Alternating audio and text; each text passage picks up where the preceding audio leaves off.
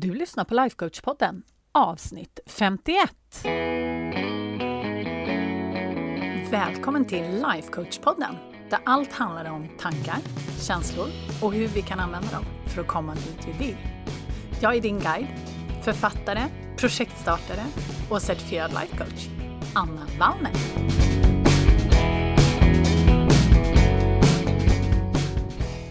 Men hej halloj på er!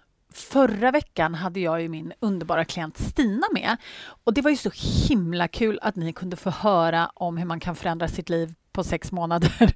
För det är ju faktiskt helt otroligt. Jag tycker det var så roligt med alla såna här exempel som Stina kallade för små och triviala, men som är allt ifrån små och triviala. Vi pratade ju bland annat om eh, det här med vantar och att det faktiskt inte är så himla litet, för som Stina berättade, liksom, det är ju ändå så att de har pratat om det här med borttappade vantar i flera år under hela vantsäsongen. Och att kunna ändra liksom en sån grej. Fatta vad mycket liksom energi Stina sparar numera på att slippa hålla på och känna frustration över borttappade vantar. Plus då att det faktiskt inte verkar tappas bort lika mycket vantar längre.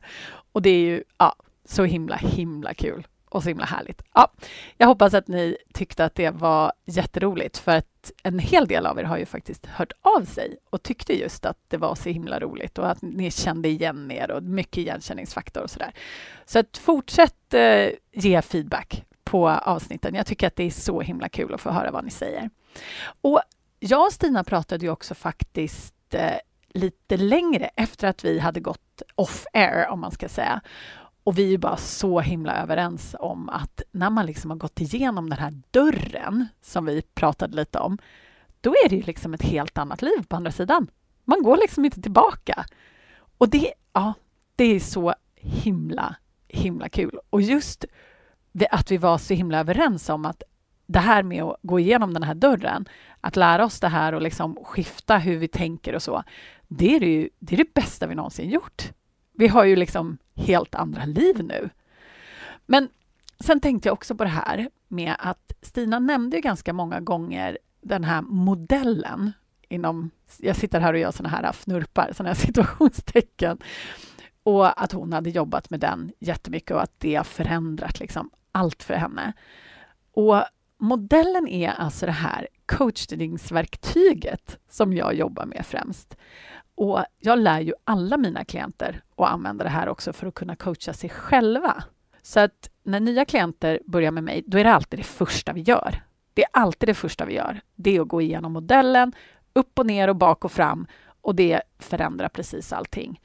Och jag insåg att jag kanske faktiskt inte har pratat rent konkret om modellen. Jag har ju pratat mycket om komponenter i modellen och jag har pratat om resultat som modellen ger och hur jag jobbar med det. Men jag har nog faktiskt inte pratat om modellen i något podcastavsnitt. Jag vet Stina sa det, ja men det har du pratat om säkert. Men jag gick tillbaka och tittat och jag har nog faktiskt inte gjort det. Så att idag så vill jag gå igenom lite sådär och berätta lite mer om modellen. Och det kommer bli ett ganska kort och koncist avsnitt det låter väl som en bra plan. Men den här modellen då, vad är det den faktiskt gör? Jo, jag skulle säga så här. Modellen ger oss ett sätt att strukturera och förhålla oss till världen. Och den skapar medvetenhet och tydlighet. Och en sak som den också gör, det är att den ger oss kontroll över våra liv. Och framför allt så gör den oss ansvariga för våra liv. Det här är någonting som väldigt många till en början tycker kanske är lite läskigt. Jag vet att jag tyckte det, men det höll inte i sig så himla länge. För att när man har lärt sig den här, då går det liksom inte längre att ducka och skylla ifrån sig. Men det som också är så bra, det är att den ger total makt att skapa precis vilken upplevelse man vill och också precis vilket resultat man vill. Och jag vet att jag säger det så himla mycket, men det är, det är ett nytt liv. det är en game changer. Och ingenting tror jag har påverkat mig och tusentals andra så himla mycket som modellen har gjort. Och det har vi vår mentor Brooke Castillo att tacka för faktiskt. För att eh, det är Brooke som har satt ihop modellen i dess modellform, kan man väl säga. Även om det här inte är någonting, hon brukar alltid säga det, hon bara jag har ju inte uppfunnit det här. Jag har bara strukturerat det på ett sätt som går att jobba med. För det hon förklarar är liksom hur världen hänger ihop. Och vid det här laget så tror jag att Brooke har utbildat hundratals coacher över hela världen. Som liksom alla hennes coacher, då, jag är en av dem, och alla mina kollegor.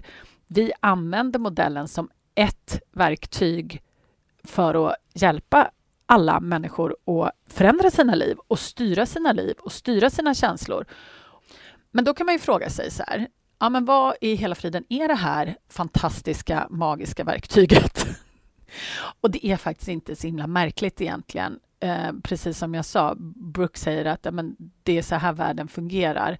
Men de flesta av oss har inte tänkt på det och när vi får ett väldigt konkret verktyg så blir det väldigt enkelt. Som jag sa, modellen ger oss väldigt mycket struktur. Och det här är baserat på det som man jobbar med inom KBT och allt, liksom allt vi gör eh, drivs av våra känslor. Och det är ju så här att vi har ju alla våra primitiva hjärnor kvar. Och vi, tack och lov på ett sätt. Och vi agerar ju fortfarande i väldigt mångt och mycket efter just de här pri primitiva hjärnorna och den programmeringen vi har. Nämligen att vi vill uppleva njutning, vi vill undvika obehag och vi vill använda så lite energi som möjligt. Det är liksom vår grundprogrammering. Att vi vill uppleva njutning, undvika obehag och använda så lite energi som möjligt. Jag tror säkert att du känner igen det i det här, eller hur?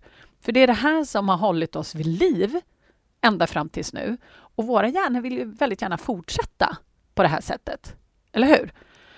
Men det gagnar oss inte riktigt längre, kan vi helt ärligt säga. Att om vi lät våra reptilhjärnor, vi brukar kalla det för reptilhjärnor, jag kallar henne ju också för Helga i mångt och mycket.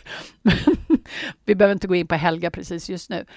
Men om vi lät den här reptilhjärnan styra oss hela tiden, då skulle vi inte få så himla mycket gjort alltså. Det skulle inte hända så himla mycket och vi skulle inte komma så himla mycket framåt. Utan som tur är så har vi också en mer utvecklad del av vår hjärna som sitter fram i pannan som heter den prefrontala cortexen. Så utan att bli liksom invecklad nu så fortsätter vi med det här med den primitiva hjärnan. Och det som händer i den här primitiva hjärnan är bland annat att de flesta av oss tror att våra känslor, det är bara någonting som kommer.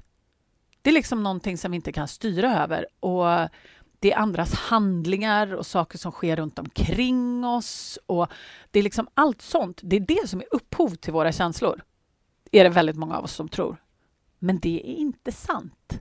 Det är inte det som andra säger och andra gör eller att det regnar eller att det är snö och is och slask och ursäkta, helvete. det är inte det som gör att vi känner på ett visst sätt. Det är inte det att vi står framför folk och ska prata som gör oss nervösa. Det är vad vi tänker. Det vi tänker, det är det som styr våra känslor. Ingenting runt omkring dig kan få dig att känna någonting överhuvudtaget faktiskt. För du måste först ha bearbetat det i din hjärna. Det måste först ha passerat hjärnan för att det ska kunna producera en känsla i dig. Du måste ha en åsikt om det, du måste ha en tanke om det först. Och hur kan jag bevisa det då?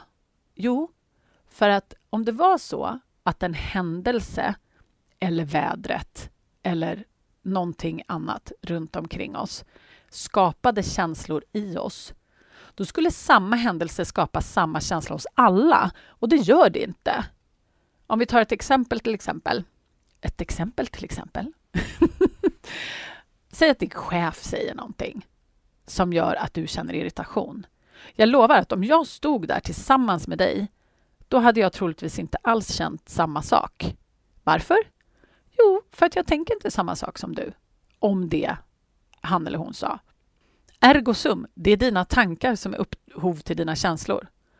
Så om du kan lära dig att välja och kontrollera vad du tänker, då kan du också styra vad du känner. Och det är det här, min vän, som är nyckeln. Jag säger det långsamt. Om du kan välja och du kan kontrollera vad du tänker, då kan du också styra vad du känner. Är det inte det vi allihopa vill i grund och botten? Eller hur? För det är ju väldigt ofta våra känslor som får oss att känna oss ja, som att vi inte kan kontrollera det vi håller på med. Och känslor är nyckeln. Och det är därför vi behöver lära känna dem. Vi behöver lära oss att veta vilka känslor vi behöver för att till exempel vilja göra de här sakerna som vi ser kommer ge de resultaten vi vill ha. Alltså känslor, det är lite så här, känslor fungerar antingen som drivmedel eller som stoppklossar. Vi tar ett exempel till. Eh, tänk dig att du ska ut och springa. Det här är någonting som ligger mig väldigt varmt om hjärtat eftersom jag precis har startat min löpsäsong nu. Och just jag och min löpning har gått igenom exakt det här. Så tänk att du ska ut och springa. Tänk om du kände dig peppad och entusiastisk. Då skulle det bli mycket lättare att springa, eller hur? Än om du kände dig eh, motvilja, om du kände stark motvilja och stress, till exempel prestationsångest. Eller hur?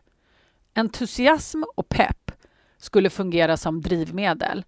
Men motvilja och stress och prestationsångest skulle fungera som stoppklossar.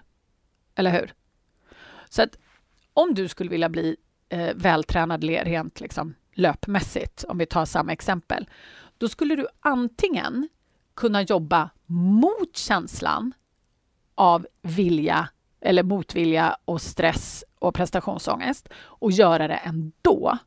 Det är väl det vi kallar för pannben. Jag har inget pannben överhuvudtaget kan jag säga.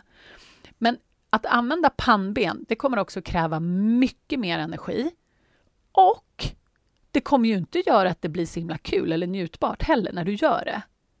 Och jag vill bara säga så här, okej, okay, om vi inte tycker att det är kul och njutbart, varför i hela friden håller vi på med det? Det är klart att vissa saker gör vi för att vi inte tycker, eller gör vi trots att vi inte tycker det är kul. När jag är ute och går med mina hundar så plockar jag upp deras bajs. Jag tycker inte att det är speciellt kul, men det är någonting jag gör ändå. för att jag tycker att det är någonting man gör. Men, men just det här som att till exempel springa mot känslan. Att man liksom har prestationsångest och att det är därför man springer. Alltså det, man kan inte hålla på med det ett helt liv. Det, det blir liksom inte kul. Så att om det är så att du hela tiden jobbar mot känslan, då är ju risken överhängande, eller jag skulle säga att risken är absolut, att du kommer liksom inte orka att hålla igång den här nya vanan om du hela tiden måste jobba emot din känsla. Jag brukar kalla det för att jobba i motvind. Och det här har ju, alltså det har ju ingenting att göra med just löpning. Löpning är bara ett exempel. Så att istället för att använda all din energi till att köra en liksom sån här pannbens push-through mentalitet så är det ju mycket lättare att ändra känslan och låta den driva dig istället. För det kräver så himla mycket mindre energi. Och dessutom, när man skapar sådana här för förändringar, ja men det här som jag till exempel har gjort med min löpning, för jag var verkligen i det här, jag borde springa, eh, väldigt eh, mycket stress över att jag inte var tillräckligt bra. Det var bara liksom motstånd hela tiden. Och jag har gått från det till att faktiskt vilja springa. Att tycka att det är härligt och att det är underbart. Och vi behöver inte gå in mer på det. Men det gör ju att jag har ingen, jag har ingen motstånd längre till att springa. Jag vill ge mig ut och springa. Det är liksom ett självspelande piano. Det är ju så himla härligt. Men en annan nyckelfaktor när det kommer till det här med känslor, när man har gjort arbetet med sina känslor och man faktiskt har lärt känna dem, det är att det inte blir liksom lika mycket drama kring det här med, alltså med känslor och framförallt kring vissa känslor, skulle jag säga. För att vi lär oss inte lägga så himla stor värdering i dem. För om vi ska vara helt ärliga så är en känsla det är en vibration i kroppen. Det är, liksom, det är energi som förflyttas. Och känslor känns olika för olika personer. Men när vi vet vart de kommer ifrån och vi vet hur de känns och vi vet att bara för att de är där så betyder det inte det nödvändigtvis att det är något som är fel. Då blir det inte lika jobbigt. Jag har pratat mycket om det här med att känslor är lite som att, eh, en badboll. Att man kan, liksom, om man försöker putta bort den här badbollen eller låtsas som att den inte finns, det är som att putta ner den under vattenytan. Det går åt supermycket energi att liksom ignorera dem. Och när de väl kommer tillbaka, då kommer de tillbaka med lite så här okontrollerad kraft. Och då kan det bli ganska otrevligt. Men om man istället håller den bara på ytan, den här känslan, då är det liksom då är det inga större problem. Den kan bara vara där. Jag brukar också säga så ibland att men det är lite som att ha känslan i en väska. Man kan ha känslan i handväskan. Den kan följa med. Den är lite tung, men det är liksom ingen fara. Så att just det här med tankar och känslor och handlingar, de sitter ihop. Och när vi ser hur de hänger ihop och vi kan se vad de skapar för resultat i våra liv, då kan vi också börja ändra dem. Och det är vad jag gör med mina klienter. Vi programmerar om våra hjärnor. Och det är, det, det, det är så coolt. Så att vi kan se vilka resultat vi skapar och sen kan vi välja något annat och skapa andra resultat. Och det här kan alla lära sig. Om man har en normalt fungerande hjärna, om man är en normal person som liksom går upp, klär på sig, har någon typ av jobb eller liksom fungerar normalt i samhället, då kan man lära sig det här. Och det här är också nyckeln till ett stabilt känsloliv och det är nyckeln till vägen mot din vision, alltså att skapa precis vad som helst. Och numera så är ju inte modellen det enda verktyget jag jobbar med med mina klienter. Men det är hela tiden det vi faller tillbaka på. Det är hela tiden grunden. För det är också det här som kommer göra att ni kan fortsätta skapa det ni vill hela tiden. Nu har jag också utvecklat och samlat massor med verktyg som skapar en tydlig väg från start till mål när det kommer till våra visioner. Det är ju fyra steg och det är ju inte rocket science, men modellen är förutsättningen för att vi ska kunna ta de här andra fyra stegen och faktiskt flytta oss framåt. Och jag har pratat om det förut i ett podcastavsnitt som heter ekvation, eh, resultatekvationen. Allting faller tillbaka på mindset plus action och i mitt fall jag lägger till utvärdering är lika med resultat. Och modellen är grunden till hur du faktiskt ändrar ditt mindset. Det är hur man faktiskt konkret gör. Det är jättemånga som pratar om att man måste ändra sitt mindset, men det är väldigt få, jag skulle säga typ nästan inga, som pratar om hur man faktiskt rent konkret gör. Så är det så att du känner att du skulle vilja skapa förändring i ditt liv, du vill skapa en vision och du vill faktiskt nå den, då vill du boka ett samtal med mig. Jag lovar, för då har jag precis vad du behöver. Så gå upp på annavallner.se och så läser du mer där. Det finns en sida om det nu, så att eh, det finns en jobba med mig-sida. Och så bokar du en tid som passar dig. Och när vi börjar jobba ihop, då kommer jag lära dig modellen uppifrån och nerifrån och från sidan så att du har allt du behöver innan vi sätter igång med själva visionsprocessen. Och jag lovar dig, du kommer aldrig se tillbaka. Någonsin. Så att vi ses när du har bokat ett samtal. Eller så hörs vi nästa vecka. Eller hur? Puss och kram!